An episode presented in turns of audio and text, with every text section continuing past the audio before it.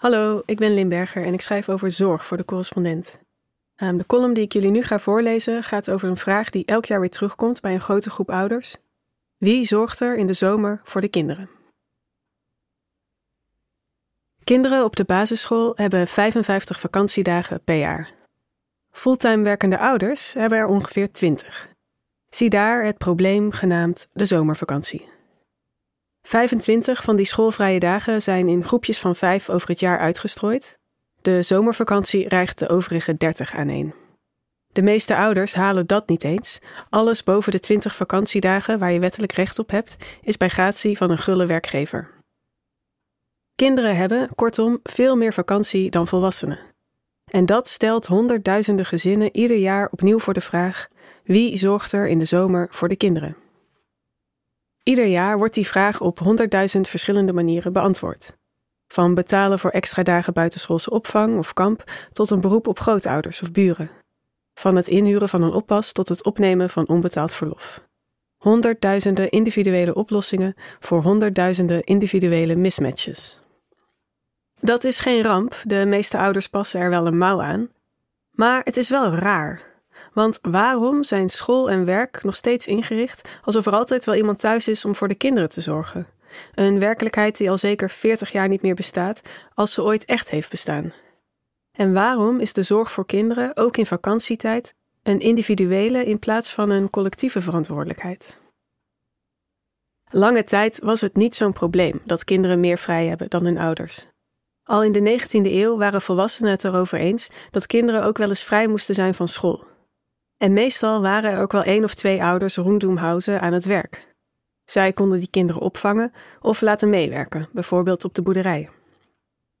De verzorgingsstaat, die in de loop van de vorige eeuw werd opgetuigd, gaf alle kinderen het recht op onderwijs en stelde, in elk geval in theorie, alle gezinnen in staat om van één salaris rond te komen. Dit was het zogenoemde kostwinnersmodel. De man verdiende het geld, de vrouw zorgde voor kinderen en andere naasten, en de staat zorgde voor toegankelijk onderwijs en professionele zorg. In praktijk was dit model voor lang niet alle gezinnen haalbaar. Er zijn altijd alleenstaande ouders geweest, net als moeders die betaald werk deden en voor wie thuisblijven helemaal geen optie was. Maar het was wel jarenlang het model waar veel beleid omheen werd opgetrokken, tot aan de inrichting van het schooljaar aan toe. Vanaf de jaren tachtig, jaren waarin mijn moeder de achtergrond vormde waar mijn vakantiedagen zich lang en leeg tegen konden aftekenen, maakte dat kostwinnersmodel langzaam maar zeker plaats voor het anderhalf- en tweeverdienersmodel. De vrees groeide namelijk dat de verzorgingsstaat onbetaalbaar zou worden, als vrouwen niet ook betaald werk gingen doen en dus belasting gingen betalen. En feministen vonden dat vrouwen meer moesten kunnen zijn dan moeder van en vrouw van. Zo betraden vrouwen massaal de arbeidsmarkt.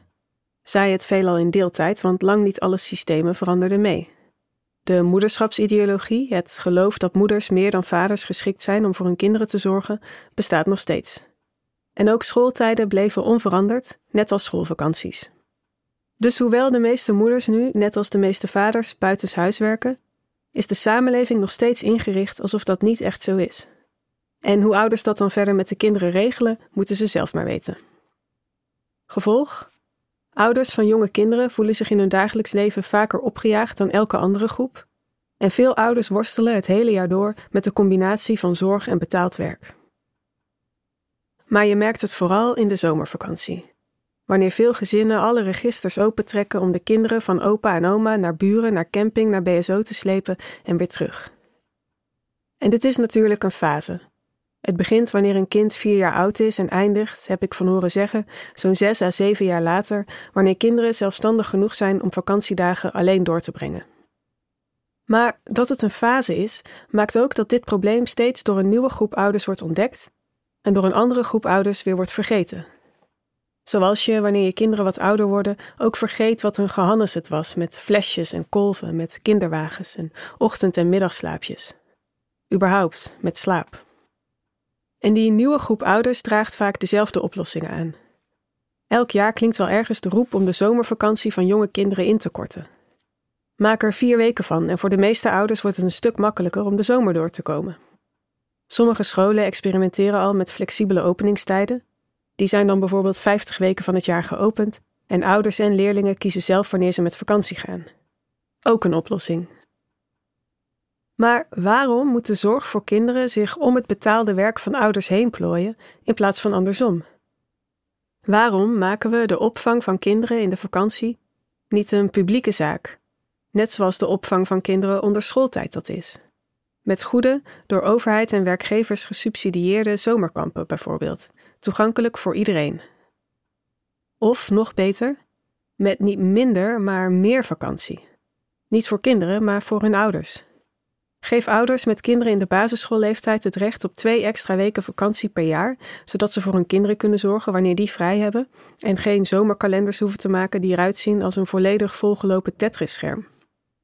Geef ouders vrij van hun betaalde werk, zodat ze zich kunnen richten op dat andere werk: kinderen grootbrengen. Want voor kinderen zorgen is werk. Essentieel werk, werk waar niet alleen ouders en kinderen, maar de hele samenleving profijt van heeft.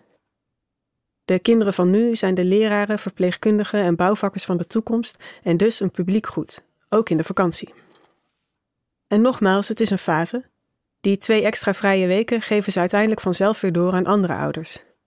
Ik durf te wedden dat je er enorm gemotiveerde, loyale en uitgeruste werknemers voor terugkrijgt.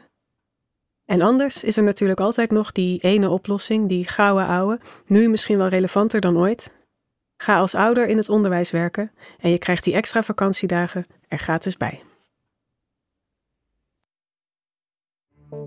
Het is de missie van de correspondent om voorbij de baan van de dag te gaan. Onze correspondenten voorzien het nieuws van context en schrijven over de grote thema's van deze tijd. De correspondent geeft me de vrijheid om mijn nieuwsgierigheid te volgen en de tijd om verhalen te schrijven. En zo probeer ik onzichtbare structuren zichtbaar te maken en een andere kijk te bieden op debatten die het nieuws domineren. Dan gaat het minder over het spelletje en veel meer over wat er op het spel staat.